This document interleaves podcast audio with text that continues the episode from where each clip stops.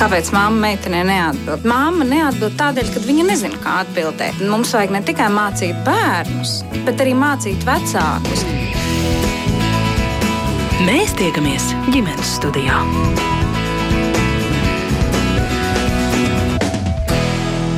Vasarīgs sveiciens ģimenes studijas klausītājiem.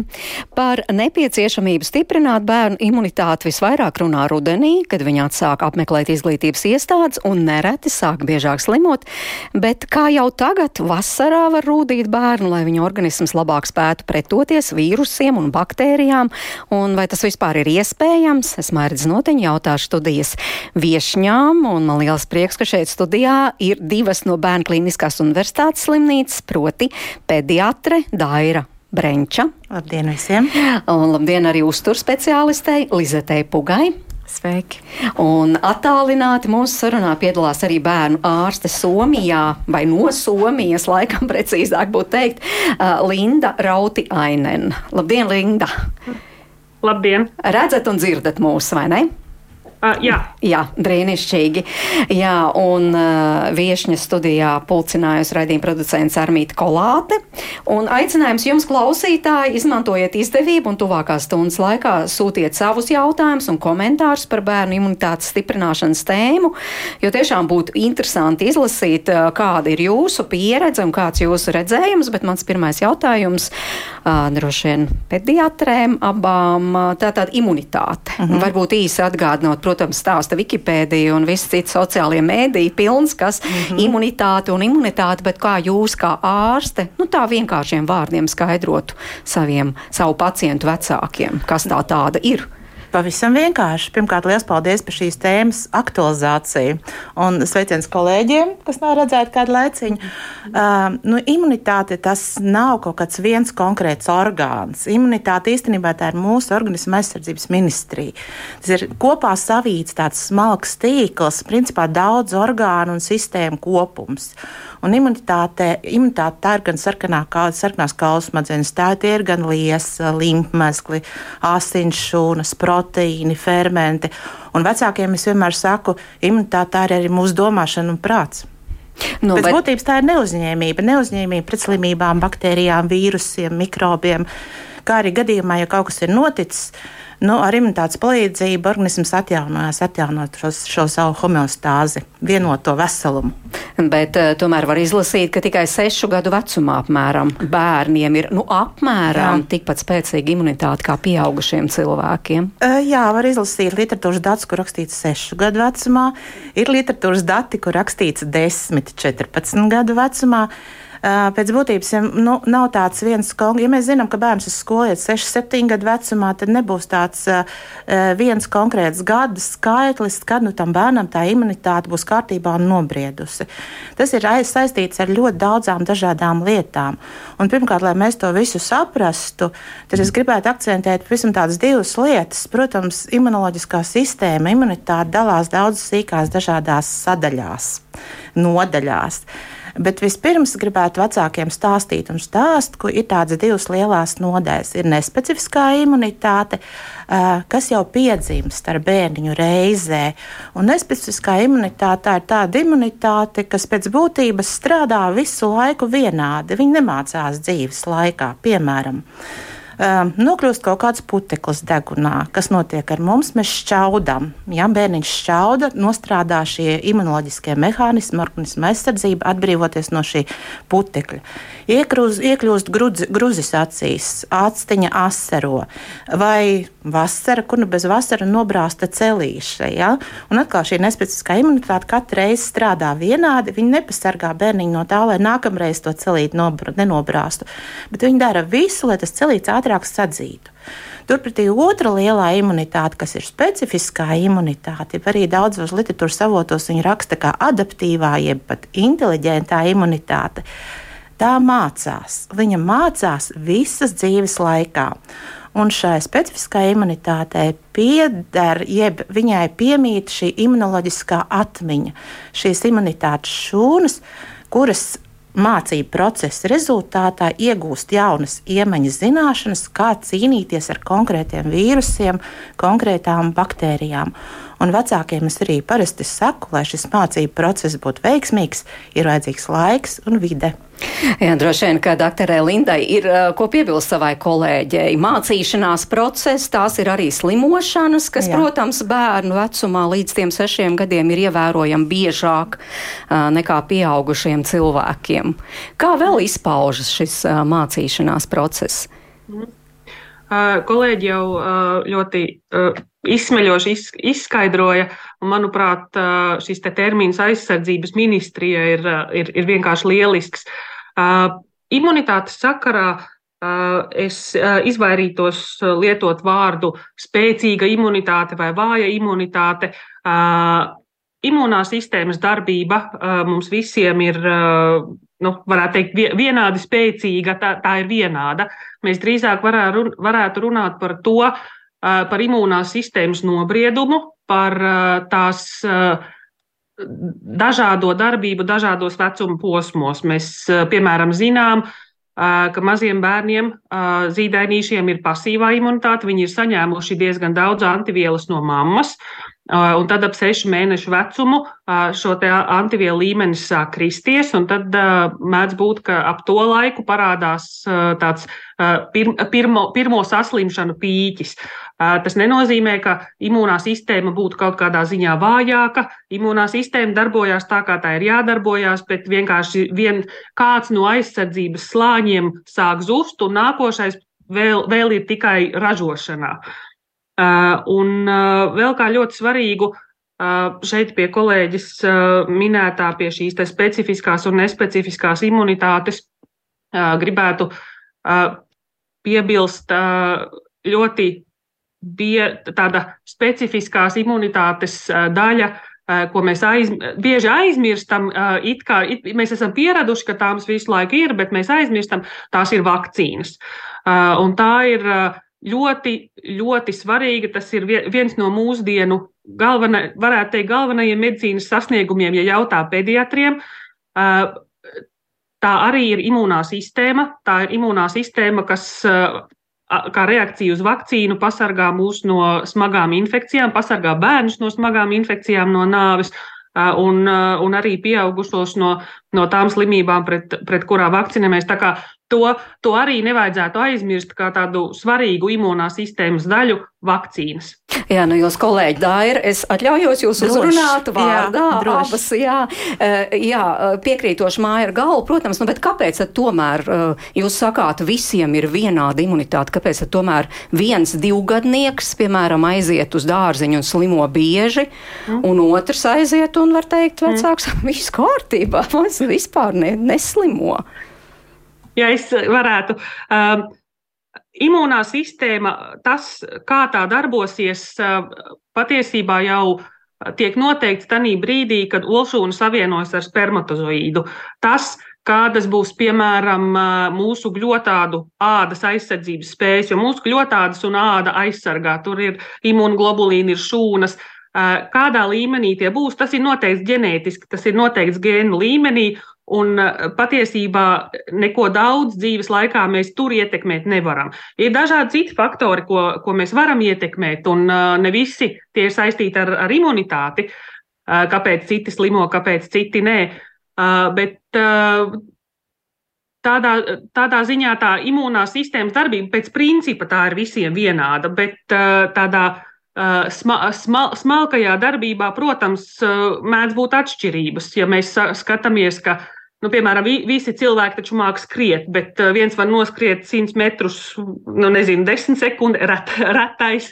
Uh, lielākajai daļai uh, aiziet, aiziet tam daudz ilgāks laiks. Tā kā imunā sistēma darbojās visiem pēc pilnīgi vienāda principa, bet tur ir tādas sīkas nianses, kas mums jau ir ieliktas gēnos, ko mēs principā paši daudz mainīt nevaram, tīri šīs nespecifiskās imunitātes sakarā.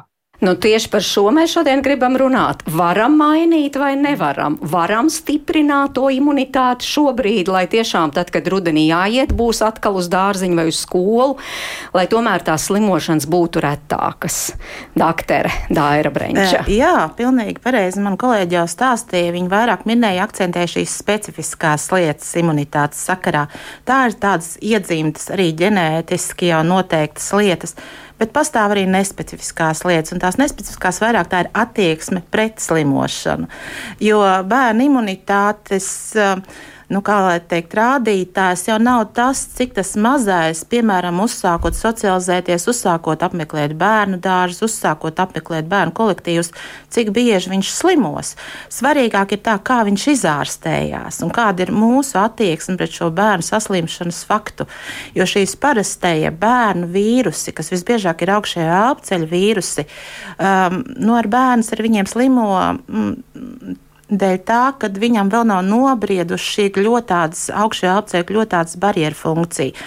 Un šī imūnā sistēma vēl nav uzņēmusi apgriezienus savā aizsardzības jomā. Un līdz ar to katrs šis it kā vienkāršais bērndārznieku vīrus ir kā tāda meistarklase, varētu pat teikt, nu, pēdiņās, protams, bet tomēr e, šī mazā bērna imunitātei, lai viņi mācītos, lai viņi ātrāk apgūtu, kā rīkoties nākamreiz, lai šis bērniņš nesaslimtu. Un šeit jau apkārt veidojās viss tā ģimenes vide. Uh, kā bērns aug, vai viņš tiek aug zināmā mērā burbulī. Mēs visi atceramies pēc pandēmijas laika, ko nozīmē dzīvot burbulī un kā ir tad, kad tas burbulis plīst. Un te ir saistība arī par visiem šiem vīrusiem. Te ir attiek, jautājums par to, kāds ir dzīvesveids, kāds ir uzturs bērnam, kā viņš tiek ēdināts, kāda ir vecāka attieksme pret aktivitātēm svaigā gaisā, pret ūdens procedūrām. Un vēl viena lieta, ko es noteikti gribu akcentēt, kad imūnā sistēma ir ļoti, ļoti saistīta arī ar neiroendokrīno sistēmu. Jo būs psiholoģiski stabilāka un pozitīvāka vide ģimenē, jo būs mazāk trauksmaini vecāki, jo arī bērns slimos vienkāršāk un vieglāk. Jā, būs varbūt pirmā bērndārs gadā kat katru mēnesi savs iesnu vīrusu Un, protams, tie ir kreņķi vecākiem, jo nevarēs aiziet uz darbu, mazo nebūs kur atstāt, un maziņam būs grūti, jo deguns nelpos, tās ir nērtības. Bet tas ir tāds bērna augšanas un nobriešanas process. Protams, ir arī nianses, kad ir vajadzīga ārsta palīdzība un ārsta iejaukšanās, lai diferencētu, vai tas ir vienkārši normāli bieži slimojošs bērns vai bērniņš, kuram varbūt jāsakārto apkārtējā vide, vai tas ir bērniņš, kuram ir vēl nepieciešama kaut kāda papildus izmeklējuma no ārsta puses, lai varbūt palīdzētu tīri no medicīnas kaut kādu problēmu risināt. Mēs arī Twitter lietotājiem, ne mēs, ģimenes studiju uzdevām jautājumu, vecāki vai un kā sākoties vasarai lūkojat stiprināt bērnu imunita un imunitāti, lai rudenī un ziemā būtu mazāk jācīnās ar dažādiem vīrusiem, un lūk atbildes.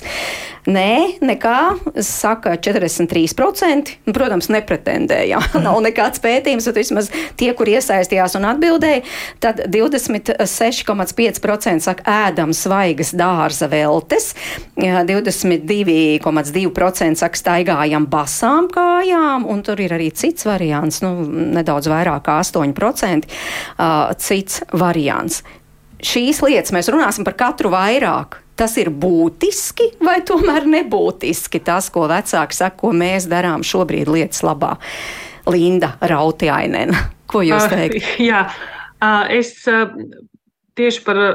Man ļoti, ļoti nepatīk vārds imunitātes stiprināšana, bet uh, es, es saprotu, tas ir tas, ko, ko cilvēki uztver, tad, kad mēs runājam par to, kā, nu, kā, ko darīt, lai slimotu mazāk.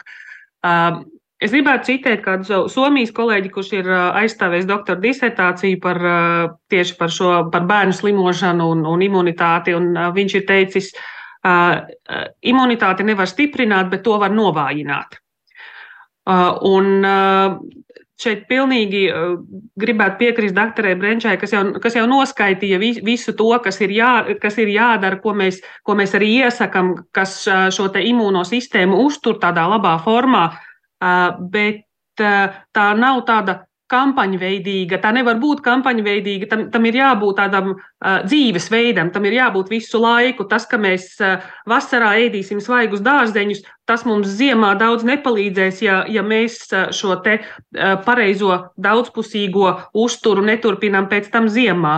Uh, vai tāpatās, ja mēs uh, staigājam uh, vasarā ar basām kājām, tas, tas ir brīnišķīgi. Man pašai ļoti patīk staigāt ar basām kājām. Uh, Bet, ja mēs pēc tam rudenī un ziemā neturpinām to, ka ejam ar bērnu ārā un esam ārā, esam dabā, arī tad ziemā tam vairs tajā brīdī nav pilnīgi nekādas nozīmes, ko mēs esam vasarā darījuši. Tā tāda kam, kampaņu veidība šajās lietās, tā, tas ir labi tajā brīdī, kad mēs to darām. Nu, tad par uzturu vairāk. Uzturu speciālisti Lizeta Pūga piekrītat, ka tiešām nu, nevar tā, piemēram, vasarā tajās dobēs iekšā kārtīgi saēsties. Nu, tas saka, cik tur tās zemes bija jāpēd nu. un tam līdzīgi un cerēt, nu, tad mums rudenī viss būs labi. Nē, nu es pilnībā piekrītu un, un visam šim teiktajam. Imunitāte nav nekāds muskulis, ko mēs varam uztrenēt. Jā? Un par ēšanu un dzīvesveidu nu, jāsaprot, ka tas C vitamīns, ko mēs tenīs svaigajās dārza veltēs uzņemam, ir ūdenī šķīstošais vitamīns. Un viņš tikpat ātri arī izvedās ārā. Šķiedrvielas mums nav šķiedrvielu krātuves, kurās mēs varam uzkrāt šķiedrvielas visam gadam. Jā. Un ūdens, nu arī nu, mums jau cik ūdens ir, tik ūdens ir, un viņš visu laiku rotē un mainās. Tāpēc jāsaprot, jā. Ir forši ēst vasarā savas dārza veltes, patiešām vitamīniem un minerālvielām visbagātākie, būs tikko no dobes rauti dārzeņi un augļi un ogas, bet mums patiešām tas ir jādara arī ziemā, un ja mēs tā skatāmies, tad dārzeņu un augļu patēriņš bērniem ir īpaši tiešām bērniem, tas ir zem kuras kritikas, jā, tas ir zems. Un, um, Līdz ar to ir jāpiedomā, lai arī rudenim iestājoties, mēs varam nodrošināt dārzeņus katru dienu, pusdienās un vakariņos. Pirmā doma, kad mēs domājam par uzkodām, būtu augļu un ogas, nevis cepumi, konfektes un smalkmaizītes. Un jāsaprot, ka, piemēram, kaut kāds sulas glāze vai kaut kāds tur jogurtiņš ar auglīšiem un odziņām, tas nav tas pats, kas ābols, bumbieris un zemenes. Bet vai pētījumi rāda, ka tiešām arī vasarā kā jūs sakāt, pārāk maz bērni ēd gan augļus, gan dārzeņus, gan ogas?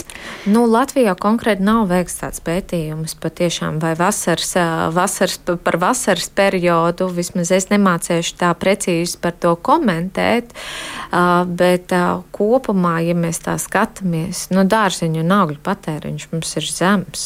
Nu, es lielākoties savus pacientus redzot un jautājot šos jautājumus, vai dārziņi ir katru dienu, nevienmēr visi var atbildēt, ka var. Un vēl jau ir tā lieta, ka bērnam augot ir šie dažādie attīstības posmi, un patiešām uz šo divu gadu vecumu viņš kļūst patstāvīgāks, viņš iemācās teikt vārdu nē. Un bērnam, bērnu vecumā ir daudzreiz vairāk šīs garšas kārpiņas, un viņi izteiktāk jūt dažādas garšas nianses, un dārziņos bieži vien paslēpjas šī rūktā garšas nianses, kas cilvēkam tā kā izdzīvošanas pamatā jau ir tā kā, o, nē, labāk to nē, tas indīgs. Nu, no vienas puses. Un tāpēc viņi nereti arī saka, varbūt tām tādiem rūkteniem, rūktenākiem dārziem, tā kā nē, bet tas nenozīmē, ka tas ir. Uh, par nopietno nē, ka mums tas būtu jāklausa un mēs varam nepiedāvāt. Nē, tas, ka varbūt tām bērns saka nē, nenozīmē, ka mums ir Mēs varam nepiedāvāt. Mums ir jāturpina piedāvāt visu laiku, jābūt. Nereti citreiz es to vizualizēju, ka, ka bērni iet prom no vecākiem caur tādu meža taciņu, un, lai izdzīvot, viņi parasti grābi saldu, sāļu, treknu, un tad vecākiem ir jāstāv tanīs taciņas malā, sānā un jāsaka, bet pasties, šis arī ir ēdams, šis arī ir ēdams, lai beigu beigās mēs nonākam tanī pusauģu, jā, pieaugušu cilvēku vecuma posmā, un mēs ēdam dažādas visas pārtiks produktus. Jā, runājot tieši par ogām, man kāda mamma stāstīja, ka ļoti labi darbojas tas, ka tiešām vasarā tās ogas aug krūmos. Un, ka, piemēram, maziem bērniem ļoti patīk. Pieiet jā. un noraut tieši nevis veikalā nopirkt, bet noraut no krūma. Nu, tā Protams, jau ir tā pieejamība. Jā, jā, ja tāda iespēja ir. Tā pieejamība, tā jau ir tā lieta, ja ogas aug krūmos, viņas ir pieejamas, bērns var aiziet un paņemt. Kāpēc mums uz šķīvja galda vienmēr stāv cepuma un konfekts? Varbūt tam ir jātur vairāk biežāk šie augļi un dārzeņi. Bet es tomēr lūkšu pediatriem vēl pakomentēt tiešām, tad tās visas labās zemenes nekur nepaliek, ja izšķurājam vienkārši tā teikt ārā pēc brīža un viss, un tam nav bijusi nekāda jēga. Ir gan jēga. Es jau teicu, ka svarīgākā jēga tās ir pozitīvās emocijas. Un, protams, arī sabalansēts ēdiens viennozīmīgi augļi un ogas un, un dārzeņi ir, kā jau, kā jau kolēģis stāstīja, ārkārtīgi svarīgi. Uh, bet vēl es gribētu papildināt, viena lieta ir ļoti jauki un pareizi mācīt bērnu, izmantot kā našķi ogas vai būt pieejamiem varbūt puķkāpostiem vai, vai gurķiem vai vēl kaut kam. Bet atcerēsimies vienu mazais lai kā mēs arī viņu neaudzinātu, viņš izaugs līdzīgs mums. Un, ja mēs ēdīsim tos, tās ogas un dārziņus un augļus, mazais to ēdīs, viņš to pieņems kā pats par sevi saprotam. Ja mēs dzersim ūdeni, mazam nebūs problēmas dzert ūdeni. Tā kā, tā kā sākam ar sevi, un tad jau rezultāts būs. Varbūt Somijā ir labāka pieredze šai ziņā, varat ko ieteikt mums? Somijā, Somijā pieredze ir, uh, ir, ir tiešām tie, tieši, tieši tāda, tāda pati. Um, kā jau uzturu speciālists teica, C vitamīns ir ūdenī šķīstošs vitamīns. Tas cilvēka organismā nekādi neuzkrājās. To mums ir jāuzņem, jāuzņem regulāri un, un visu laiku. Un, uh, mēs, tas, tas ir brīnišķīgi un, un tas, tas ir Tas ir labi, tās ir pozitīvas emocijas, tas ir uh, ne tikai, uh, ne tikai tā saldā zemene, bet arī tas, ka viņu tur var bērns pats vagā, vagā noraut. Uh, un tas, tas, protams, palīdz, bet tas, to, to nevar, diemžēl, nekādā ziņā organismā kaut kur uzkrāt, lai pēc tam imūnās sistēmas darbībai no plauktiņa paņemtu kaut ko, kaut ko līdzi. Bet tā ir problēma visās attīstītajās valstīs, ka augļu un, augļu un dārzeņu patēriņš, lai arī Uh, visos uh, ieteikumos, uztura modeļos, kā nu, viņus, kā nu kurā valstī viņi tiek pasniegti, kur ir šķīvis, kur ir piramīda. Um, visās attīstītajās valstīs svaiga augļu un dārzeņu patēriņš ir zemāks nekā, nekā tas šajos ieteikumos ir paredzēts, nekā, nekā tam būtu jābūt. Un, un ar, ar, to, ar to, diemžēl, cīnās visur. Kā jūs cīnāties, kā jūs stāstat saviem pacientiem, pacientu vecākiem?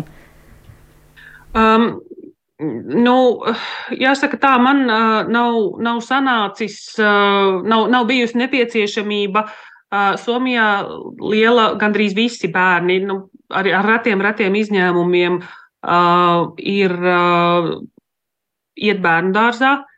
Uh, un uh, bērnu dārzā par, ēdināšanu rūpējās, un, un tur, tur vienmēr ir šie svaigie augļi un svaigie dārzeņi, un uh, ne tikai svaigie, bet arī termiski apstrādātie. Uh, pie tam, uh, kas, manuprāt, tādā bērnu vecumā, kā jau runājam, bērni mēdz būt diezgan izvēlīgi ēdāji, kad to, to ne, ne to, un ja kaut kas ir neparastāks vai, vai, vai nezināmāks, tad to viņi nevisai, nevisai mīlēst, un tad uh, kaut kāda jauna garša, vai tad reizēm kaut kas samaisīts. Piemēram, lieliska ideja ir tā, ka arī ne tikai, ne tikai bērnāžos, tas arī skolās un, un ļoti lielā, lielā daļā darba vietā ēdnīca. Piemēram, salāti ir, ir salikti pa, pa sastāvdaļām. Ir tāda tā kā pufetes galds, kur ir sagriezti, sagriezti salātlapas, tad ir tomāti atsevišķi, gurķi atsevišķi, paprika atsevišķi, piemēram. Uh, Uh, un uh, tad katr, katrs pats var ņemt to, to, ko viņš grib, un to, kas viņam garšo, un sataisīt to, uh, to savu maisījumu tādā, tādās attiecībās, kā viņš grib, un kaut ko var atstāt, neuzliktu, ja, ja tas negaršo kas, protams, īpaši maziem bērniem palīdz. Jo mazie bērni mēdz būt tādi, ka, ja tur ir kaut kas, ko viņš nezina, vai kas viņam negaršo, tad samaisītajā mikslī, tad viņš saka, es tādu nēdu un nēdīs vispār. Jā, nu to jau laikam mēs arī šeit Latvijā esam sapratuši, vai ne? Līzete. Nu, jā, tas tiesa. Nu, bērni ir dažādi, bet nu, jāsaprot, ka izdabāšana nevienmēr ir atslēgas vārds, jo patiešām es parasti vecākiem stāstu par to, ka bērniem izpratne par ēdienu un par to nozīmi patiesībā tu veidojas tuvāk pieaugušu cilvēku vecuma posmam. Un līdz tam tas ir tāpat kā mums iet veikalā izvēlēties krekliņš, balts, melns, zaļš, kas man patīkās. Bet tur nav izpratne par to, ka man šeit būs šķiedrvielas, šeit man būs vitamīni.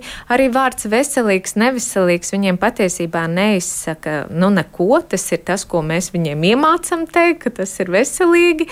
Uh, bet ir vairāk jārunā, un man neret, nesenā pieredze arī Somijā bijām aizbraukuši apskatīties, kā tur veicās ar, ar tiem pašiem skolniekiem un ēšanu. Uh, arī man ļoti uzrunāja, un arī mēs bērnu slimnīcā aizvien vairāk runājam par šo ēstprieku, par prieku, kas ir, kad mēs ēdam, kad mēs skatāmies uz savu šķīvi un šķīvis, šķīvi saturs, atbildība ir vecākiem. Ja, bet mums, bērnam, ir jāmācās tas prieks, kas nāk. Katram ēdienam ir savs stāsts, kāpēc mēs viņu ēdam. Un iespējams, jā, ja vasaras periodā augļu un dārzeņu īpatsvars ir lielāks, jo tur ir stāsts. Bet eh, ziemas periodā varbūt tas nav. Mēs noliekam, aizējam prom, lai skatās, un, un viss. Tāpēc es ie, iedrošinātu vecākus runāt vairāk, stāstīt, rādīt un iemīlēt to ēdienu, jo ēdiens jau nav tikai tukšs uzturvielas. Pašiem arī tas noteikti jāiemācās. Es atgādinu mūsu klausītājiem, tātad eh, šodien ģimenes studijā ir no Bērnu klīniskās universitātes slimnīcas pediatre Daira Brenča un uzturspeciāliste Lizete Puga un uh, bērnu ārstē, kur strādā Somijā.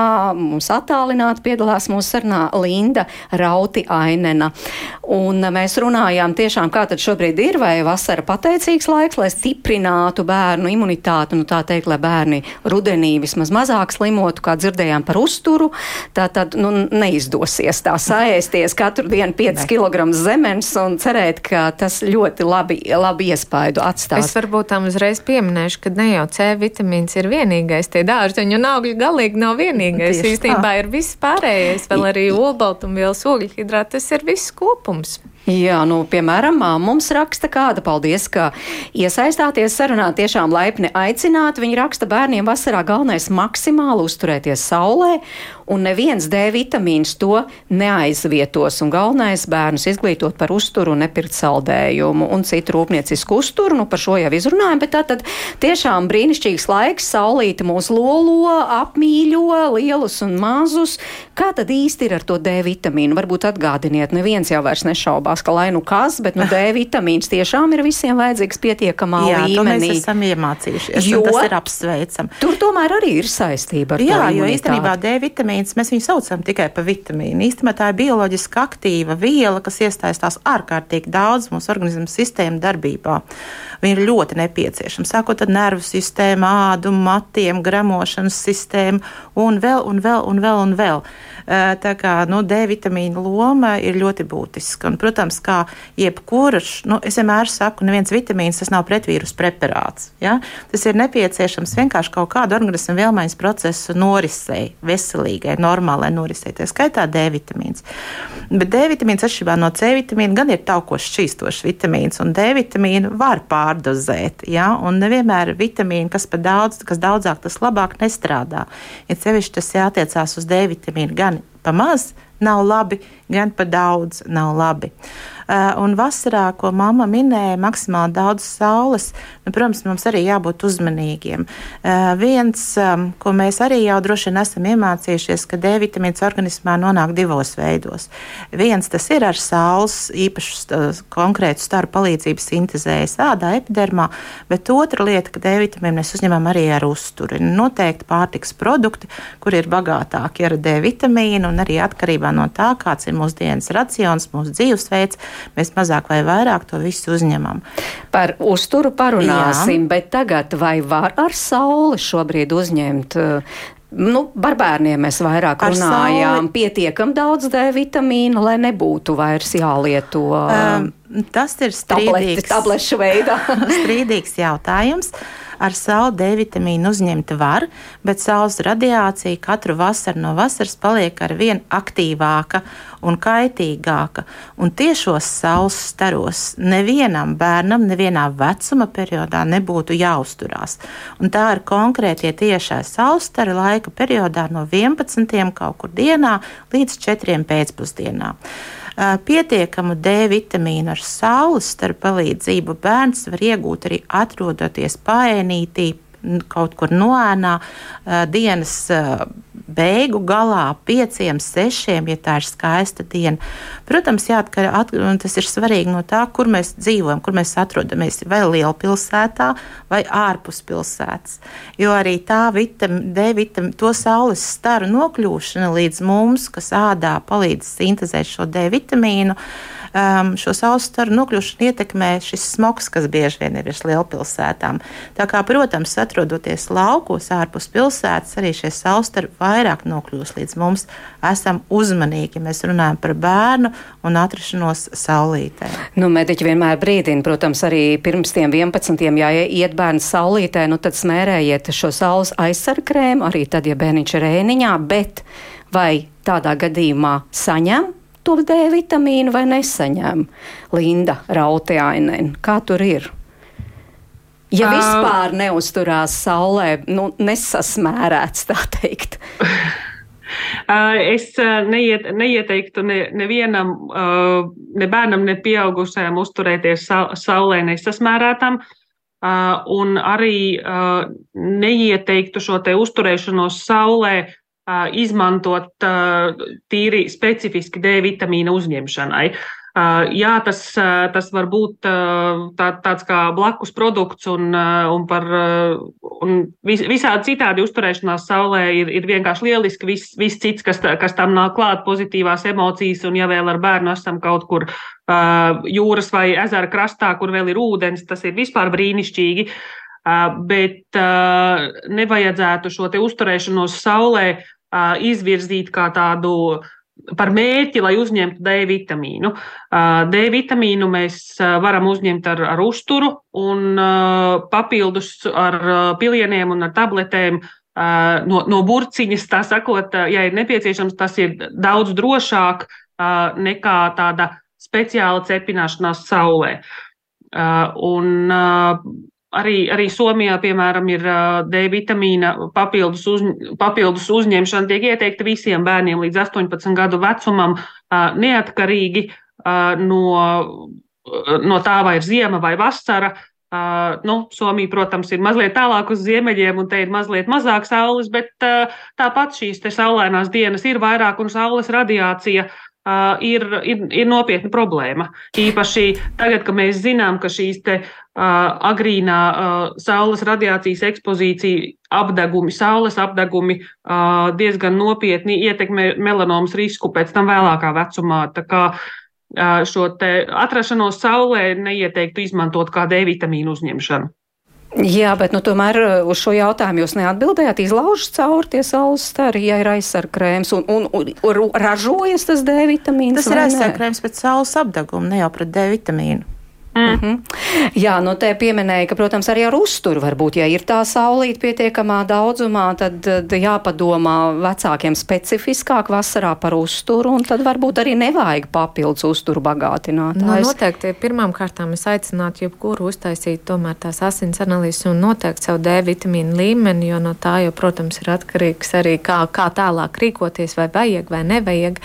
Uh, bet uh, kopumā saistībā ar uzturu šeit arī nāk tās citas pārtikas pārtiks produktu grupas iekšā, ja pirms tam mēs runājam vienmēr par imunitāti, par tiem augļiem un ogām, tad šeit par taukošu čīstošo vitamīnu, protams, ka mēs sākam runāt par tādiem taukainām lietām.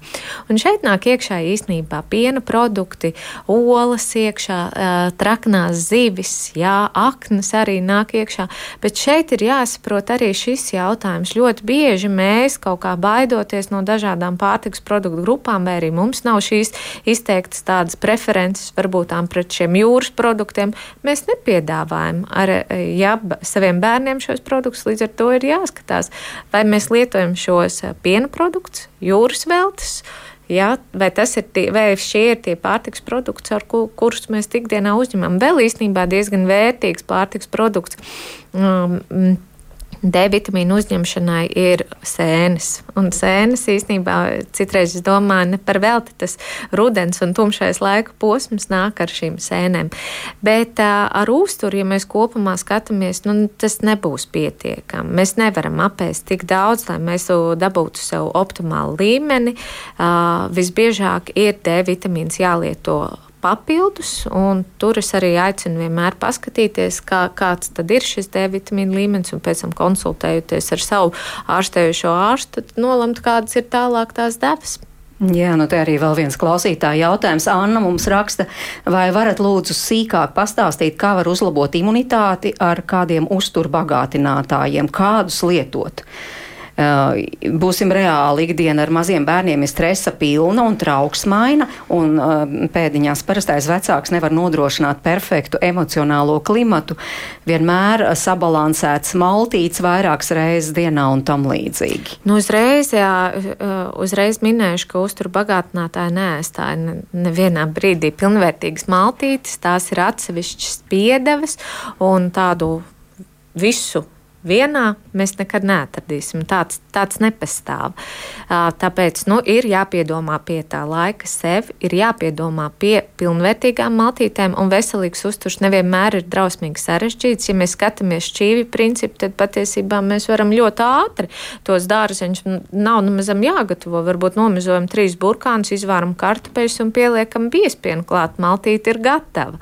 Jā, tāpēc nē, ja mēs skatāmies no Latvijas viedokļa, kas ir Latvijā, varbūt tām no tādām uzturvielu, uz tādām uzturvielām, kas ir tie, tie trūkstošie, tad mēs lielākoties runājam par D vitamīnu, mēs runājam arī par jodu, un joda produkti atkal ir tās, tie piena produkti un jūras velts, kas mums ir, tātad jūras velts ir jāicina ēst vairāk, un, nu, protams, sezonāli ir arī tas C vitamīns, ja, kas, kas, kas parādās, jo ziemas periodā mums nav pieejami varbūt tām savi dārzeņa augļi un ogas, bet mēs nu, globalizācijas ietekmē mēs varam jau arī iegūt šo C vitamīnu arī ar, ar, ar veikalā atrodamiem dārzņiem un augļiem. Dāra Brēnča, jūs, piemēram, tagad vasaras periodā nu, iesakāt kādiem pacientiem līdzās šim D vitamīnam arī tomēr nu, biežāk kādus jūs iesakāt lietot, kas, kas trūkst biežāk bērniem? Es uh, gribētu tai mam mammai, kur uzdevu šo jautājumu, varbūt atbildēt un pateikt, pavisam vienkārši veselību aptiekā nopirkt nevar. Un imunitāti arī nevar nopirkt aptiekā. Un es ļoti saprotu tās mammas rūpes un bažas un, un trauksmes iemeslu, kad mazie slimo viens pēc otra. Uh, Bet, nu, protams, ka ne jau tikai un vienīgi pilnvērtīgs uzturs vai svaigs gaisa būs tas brīnumlīdzeklis, lai tie mazie neslimotu. Kā jau teicu, mazie bērni mēdz slimot. Un, ja ir divi bērni ģimenē, tad tas, diemžēl, ir divreiz vairāk nekā viens. Jā, un jāmēģina mierīgi šis periods pārdzīvot, tikt viņam pāri, viņš beigsies. Mēs atkal atgriežamies pie tām labajām emocijām, Pie, kas faktiski tikai, ir visa jā, pamatā. Jā, un varbūt tiešām ir, ir jēga, ja vērts, ja liederīgi. Uh, sarunāja ar savu ārstējošo ārstu, ģimenes ārstu vai pediatru. Varbūt paskatīties, varbūt tur ir cits iemesls tai bērnu slim, biežai slimošanai, ja, jo ne jau tikai tā, tas dzīvesveids ir vienīgi vienīgais, ja, bet nu, tie ir tikai kaut kādi atsevišķi mazi procentu gadījumi, bet tomēr, nu, kā vienmēr, kā mēs zinām, 2 plus 2 var būt arī 5. Klausītāja Agnese piebilst vēl par uzturu. Te tāds jauks stāsts, tāpēc gribu nolasīt. Atceros manas vecmāmiņas gudrību. Katru dienu gatavojot vakariņas, viņa vienmēr man piedāvāja kaut ko no dārzeņiem. Svaigu kāpostu, sagrieztu kāli, burkānu zaļo zinīšu, bez lekcijas par veselīgumu, vienkārši svaigus sagatavots uz šķīvja, un tā katru dienu bija noskrējusies pa āru un gaidot vakariņas ļoti garšoja. Nu jā, nu tiešām vairākas skriet pāri, tur jau arī svaigā gaisā, protams, arī viss, viss labāk notiek, bērni labāk jūtas, labāk ēd un labāk guļ, bet uh, ūdeņi. Ūdeņi tagad uh mhm. -huh. arī ir pieejami, un vai tomēr tas ir vai nav tāds rūdīšanās avots? Reizēm jūrā ir augsts ūdens, smiltiņas siltas, nu tad augstajā ūdenī iekšā un, un pēc tam siltajās smiltiņās, un būtībā Tā jau reizēm saka par to rūtīšanos. Augsts, silts, augsts, silts, un tā kā kontrasts duša iznāk nu, ūdens procedūras vienmēr ir patīkamas, relaksējošas un jaukas. Jebkurā vecumā, jau sākot no diviem, trim mēnešiem, eh, ka mēs varam arī mazam bērnam jau piedāvāt dažādas ūdens procedūras. Un, protams, vasara nāk arī ar ūdenspriekiem. Šeit uzreiz izmantojot situāciju, es gribētu teikt, bērns, bērns un ūdens drošība, drošība, drošība. Pirmā vietā drošība. Otra lieta - mērenība. Ir ļoti labi būt saulē, ir ļoti labi būt pie ūdens. Mēs izrunājam par sauli, par laika periodu diennakts griezumā, kad labāk, jebkad nevajadzētu atrasties pie uh, tiešajā saulē. Un arī runājot par ūdeni. Uh, protams, pirmkārt, uh, mīļie vecāki, mērenība. Nu, nevajag tā, ka tas mazais plunčājās tajā ūdens tilpnē tā, ka nu, ir zilas lūpas, un, bet, nu, jo visi šie bērnu basēni, šīs ūdens tilpnes, tas mazais ar lielu prieku tajā ezerā, jūrā būs iekšā, bet no viņas ārā dabūt būs grūti, kamēr zobs uz zobu stāvēs. Tas ir viens tā kā mērenība. Noteikti tas ir limitēts laiks, tās ir piecas minūtes, pēc tam iznākam krastā. Noteikti tīras peldkostīms, tīras sausas peldbikses, noslaukam bērnu, nosusinam, un tad, kad viņš atkal ir sasilis un, un kaut kādas zināmas fiziskas aktivitātes, atkal var šīs ūdens peldas atkārtot. Un vēl viena lieta, ko es arī tomēr gribētu atgādināt, ir skatieties ūdens tīrība, kāda ir. Jo mēs esam redzējuši, ka jūras malā, ezera malā un citu ūdens tilpju malā, kur ir šīs ūdens pēļķis, kas ir vasaras saulītē uzsilušas un kur iekšā ir ļoti daudz dažādu mikrobu, ir kā mīļākās peldvietas agrīnu vecumu bērniem man kā ārstam ir diezgan briesmīgi uz to skatīties, ja, jo tomēr um, infekcija risks šajos skatījumos ir ļoti augsts. Gribēju tomēr lūgt uh, doktorei no Somijas Lindai Rautiainenai papildināt par tām zilajām lūpām un drepēšanu. Es domāju, visi atceramies no bērnības, un man arī kaut kā tāda aina neiziet no prāta tieši vienā no ziemeļvalstīm, Norvēģijā. Tas bija, es redzēju, kā tur vietējie bērni ņemas pa ūdens tilpni. Likās, o, tik silts ūdens, ilgi! un es mēģināju iebrist. Un es, protams, vienkārši izlecu no tā, cik tas ūdens bija augsts, bet tur neviens vecāks net, nesatraucās, ka tur tās zilās lūpas. Kā, ko jūs sakāt? Mm. Tā ir um, trenēšana bērnā, kaut kāda rūtīšana um, vai nē? Jā, es maz, mazliet, mazliet atkāpšos atpakaļ par, vai varbūt mazliet no, no citas puses šai tēmai par, par augstumu kā tādu, jo mums vēl joprojām sabiedrībā ir diezgan izplatīts šis mīts, ka ka es apaugstējos un tāpēc saslimu. Vai ļoti bieži dzirdēt, sakām, nu man jau nav, es jau neesmu slims, es tikai apaugstējos. Īpaši par caurvējiem. Kā, Biju caurvējā, jā, jā, ko nu, saka tikai Latvijā.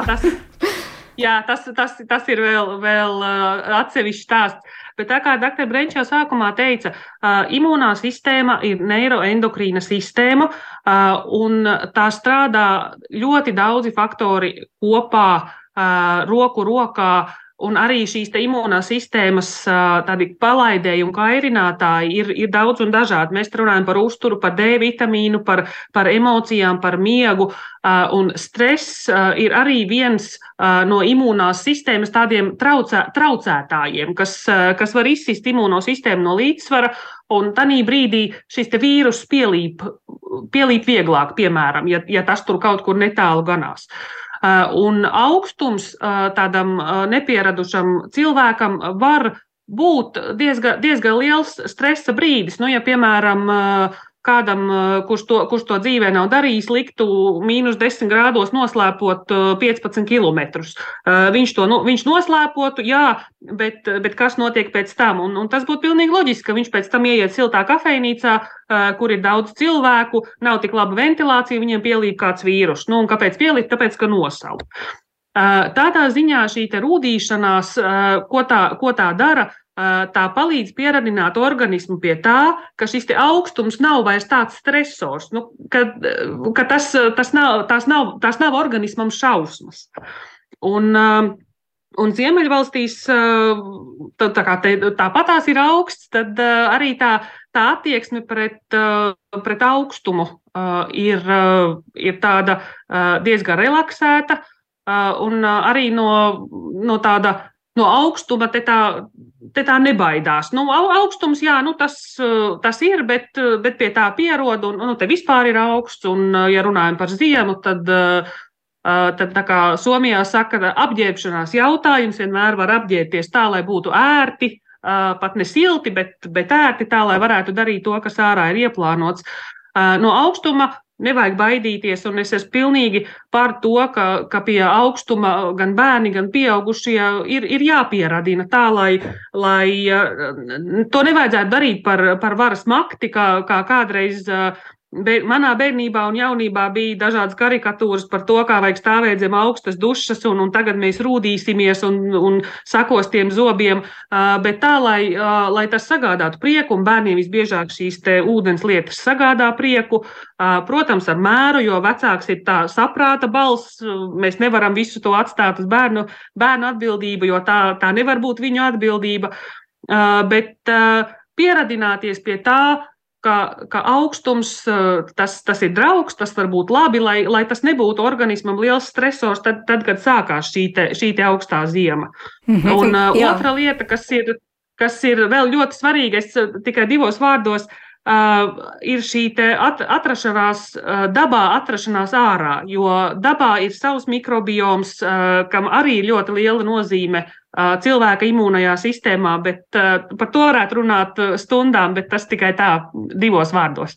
Jā, bet tomēr par tām zilajām lūpām, tad uztraukties par to un, un, un vilkt ārā no ūdens bērnu vai ļaut, ja jau bērns nē, nu, pats prot, neko nē, nu, nesaka. Nē, nu, protams, tas, tas, ir, tas ir vecākam jādozē un Un katrs, katrs vecāks zina, cik, cik izturīgs viņa bērns ir pret augstumu, bet tajā brīdī, kad bērnam objektīvi sāk palikt augsti, viņš būtu no tā ūdens vismaz uz, uz kādu brīdi jāizceļ, ja viņam tās lūpas paliek zilas. Jo tad, ja bērnam prasa, vai tev ir augsti, tad lūpām trīcot, viņš saka, nē, nav. Tā kā vismaz, vismaz uz brīdi no tā ūdens izcelt ārā, Uh, tad uh, maz, mazliet sasildīt, un tad var iet atpakaļ. Tas, uh, bet at, atkal vecāks jau zina par to, kāds, kāds ir viņa bērns un, un pie, kā, pie kā šis bērns ir pieradis. Ja tā kā Norvēģijas ziemeļos, ja bērns visu vasaru tajā augstā ūdenī dzīvojis, tad uh, diez, diez vai tas viņam kādu ļaunumu nodarīs. Jā, nu, Edīte, klausītāja, Edīte mums ļoti skaisti raksta, imunitāti nevar celt, bet laimīgu bērnību gan mēs saviem bērniem varam nodrošināt, un basas kājas peļķes un ogu ķekari ir tieši par to. Par tām basajām kājām es atgriežos pie tās mūsu nelielās Twitter aptaujas. Apmēram ceturdaļa uzskata, ka tas ir būtiski, lai bērni tomēr vasarā skrietu ar basām kājām. Jūs arī uzskatāt? Cik skaisti pateikts, Edita, tiešām ļoti skaisti pateikts. Un es esmu pret čību valkāšanu, un it sevišķi vasarā. Nu, padomājam, cik mums uz pēdām ir ļoti daudz dažādu aktīvo punktu, kurus stimulējot, vairāk darbojas organismu, dažādas sistēmas, vielu maiņu un tam līdzīgi. Un, protams, nevajag bloķēt šo visu dabīgo procesu un maksimāli daudz jāsteigā plikām kājām. Un tieši tāpat arī, kā doktori teica, kolēģi, kad mums ir jāceļ savu fiziskā tolerants, fiziskā slodzes tolerants. Tas pats mums ir arī izturība pret vēsumu, pret izturība pret ūdeni. Tas nav kampaņu veidīgs. Arī nevajag šīs kampaņu veidu baskāju takas vairāk organizēt, bet katru dienu dzīvoties blakām kājām. Un lai skaistās zandalītes un kurpes paliek 1. septembrim un svinīgiem gadījumiem, bet mājās, laukā, zaļā zālē, smiltīs, ūdenī, protams, ievērojot drošības pasākumus, ja, ja, lai tur nebūtu kaut kāds traumatisms risks, bet arī mājās, arī nē. Es vienmēr parasti saku, labākā kārtība bērnu stabā ir mērens hauss, kur zemē mētājās visas mīļākās rotaļlietas. Un, ja viņām uzkāp virsū, tas ir tikai apsveicami, nekas slikts nenotiks, viss būs tikai labi. Nu, bet tad varētu tā liekot punktu šai sarunai teikt, ka tas tomēr viss ir par dzīvesveidu, kā te izskanēja, ka nevar, nevar būt tā, nu tagad vasarā aktīvi gatavojam, protams, baudām, ar prieku baudām visu, ko vasara sniedz. Bet tas nevar būt tā kampaņa veidīgi. Manuprāt, Lizete, jūs teicāt, tas tomēr visādā ziņā ir dzīvesveids. Var iesākt tagad vasarā, bet tad tas ir jāturpina cauri Jā, gadu. Tas viennozīmīgi, es, no, es novēlētu visiem tā arī turpināt, saldējiet ogas, pēc tam laimīga ziemā viņas atsaldēt, stāstat, runājat vairāk par šīm lietām. Un patiešām vairāk tverat to prieku, nevis tenī rudenī iesakņojamies tenīs darbos, bet mēģinam saglabāt tādu labu noskaņojumu. Linda Rautiainēnen. Jā, es pilnībā pievienojos. Tas, tā, tā imunitātes stiprināšana ne, nevar būt kampaņa. Protams, maz, mazliet ir labāk nekā nekas.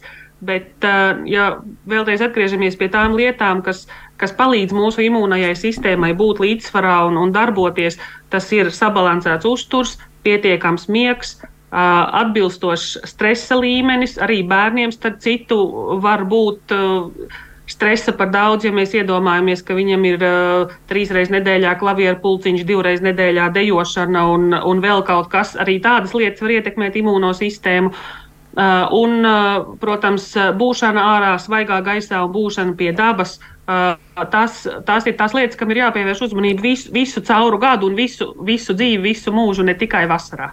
Daira, Brenča. Mm. Es nedzirdēju, ko kolēģi Linda teica. Atvainojiet, Nē.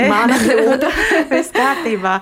Katrā ziņā tad es gribu pateikt, mīļie vecāki, priecājieties, baudiet vasaru kopā ar ģimeni, kopā ar bērniem, kopā ar savējiem. Atrodiet laiku kopā būšanai mūsu saspringtajā ikdienā. Nebaidieties no tā, ka jūsu bērns ir noķēris varbūt kārtējās iesnas un kārtējo klepu. Nepārārstējiet ļaujiet kādreiz procesiem notikt, kā notikt. Un, ja jums ir kādreiz kādas šaubas, nu vēlreiz saku, aicinu uz sarunu ar ārstu, lai iegūtu tiešām tādu konkrētu, pamatotu atbildi uz jūsu individuālo jautājumu un situāciju, un lai visiem skaista vasara. Tiešām baudām vasaru. Šobrīd tā ir īpaši skaista. Paldies studijas viešņām, pediatrei Dairai Brenčai. Arī bērnu ārstei no Somijas Lindai Rautiainenai Rautjānēnai, mēģināšu pateikt pareizi, un arī uztur speciālistei Lizetei Pugai. Raidījuma producents Armīta Kolātes Mairidz Notiņa bija pie mikrofona, un rīt tiekamies šajā pašā laikā 5 minūtes pār diviem. Cerams, ka atradīsies jums laiks arī paklausīties ģimenes studiju. Runāsim, vai un kādas izmaiņas gaidāms normatīvajos aktos, lai bērnu kopšanas atvaļinājumā esošs vecāks līdztekus rūpēm par mazulu varētu arī nedaudz piestrādāt. Un paldies, ka klausījāties!